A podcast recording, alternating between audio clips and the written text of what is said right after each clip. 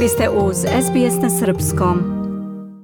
Porodično ili kućno nasilje predstavlja veliki društveni problem u svetu, ali i među svim zajednicama u Australiji. Svaka šesta žena i svaki šestnesti muškarac su u jednom trenutku života bili žrtve porodičnog ili kućnog nasilja. Ova statistika međutim ne podrazumeva samo fizičko nasilje, već obuhvata sva agresivna ponašanja kao i financijske manipulacije i kršenje privatnosti partnera ili člana porodice. Nažalost, u Australiji žrtve nasilja iz migrantskih zajednica često nemaju isti pristup podršci. Delom zbog jezičkih, ali i zbog kulturoloških barijera. Kako bi se ove prepreke što više smanjile u Novom Južnom Velsu sledećeg meseca počinje novi TAFE kurs na inicijativu Državnog ministarstva za pravdu i zajednice. Kurs će biti besplatan za sve lidere migrantskih organizacija kao i za sve lidere verskih grupa. Ministar za prevenciju nasilja u porodici Max Pakeman rekao je da će zvanični kursevi bolje pripremiti lidere da prepoznaju probleme i omogućiti im resurse pomoću kojih će moći da pruže podršku žrtvama ukoliko od njih zatraže pomoć. Multikulturalne zajednice i oni koji su nedavno došli u Australiju u Novi Južni Vels često se prvo povežu sa lokalnom zajednicom ili sa verskom institucijom iz zemlje porekla. To su lideri sa kojima se novi doseljenici najčešće susreću i okruženje u kojem se osjećaju sigurno. Zbog toga želimo da ohrabrimo te lidere i da im pomognemo da na najbolji način podrže svoju zajednicu. Želimo da im pružimo resurse i informacije da ako dođu u situaciju da da im neko prijavi slučaj nasilja u svojoj ili nekoj drugoj porodici, da ti lideri onda mogu pružiti odgovarajuću pomoć tim osobama, rekao je Spakeman.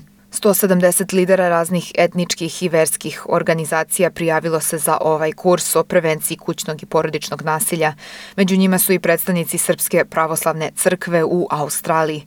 Aleksandra Alavanja koja radi za Ministarstvo pravde Novog Južnog Velsa, ali je takođe aktivna u srpskoj zajednici, kaže da se ona lično sastala sa sveštenstvom Srpske pravoslavne crkve u Sidneju. Imali smo zadovoljstvo da se sretnemo sa vladikom Siloanom i džakanom Milošom kako bismo razgovarali o tome kako crkva može da podrži žene i porodice koji se součavaju sa porodničnim nasiljem. Aleksandar kaže da je Srpska pravoslavna crkva spremna da podrži žrtve nasilja i da će u narednim mesecima preuzeti konkretne korake ka boljem informisanju i podršci žrtvama. Kako bi rekla, ovo je važan korak napred za crkvu i nadamo se da, te, da će to znači da se porodice mogu oslanjati na crkvu i sveštenstvo ne samo da duhovno vodstvo, već i za praktičnu podršku. Takođe napomenje da naša crkva ne toleriše i ne podržava naselje nad ženama i ovo šalje značnu poruku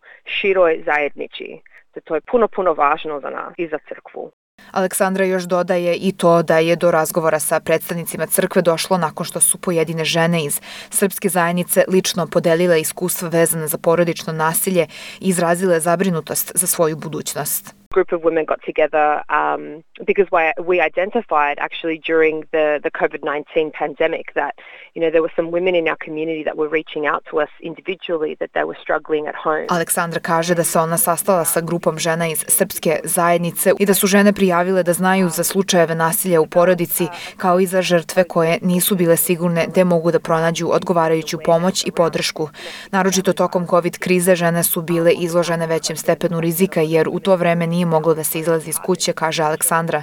Mi verujemo da je apsolutno neophodno da sve zajednice, među kojima i naša srpska zajednica, budu informisane i da imaju prave resurse da pomognu ljudima koji prolaze kroz teškoće. Na svu sreću, rad ministarstva i mog tima je omogućio da se ovoj inicijativi priključe i lideri iz raznih religioznih zajednica. To znači da će pomoć biti dostupna tamo gde se žrtve osjećaju bezbedno i pomagaće im osobe kojima veruju. And engage them because as, as, as a Serbian community, we do identify with our church and our, and our culture and our, and our religion. And the church has a vital role to play. And thankfully our church was... Mi kao srpska zajednica poštujemo crkvu i imamo bliski kontakt s njom. Zbog toga sam jako zahvalna što je crkva odlučila da preduzme dodatni korak i da nastavi da podržava svoje članove. In the coming months, a community session um, for anyone, it's open to men and women to, to come in and learn about domestic and family violence and the effects that violence has on, on families, especially young children. Prvi dan TAFE kursa o nasilju o porodici počinje 7. oktobra ove godine.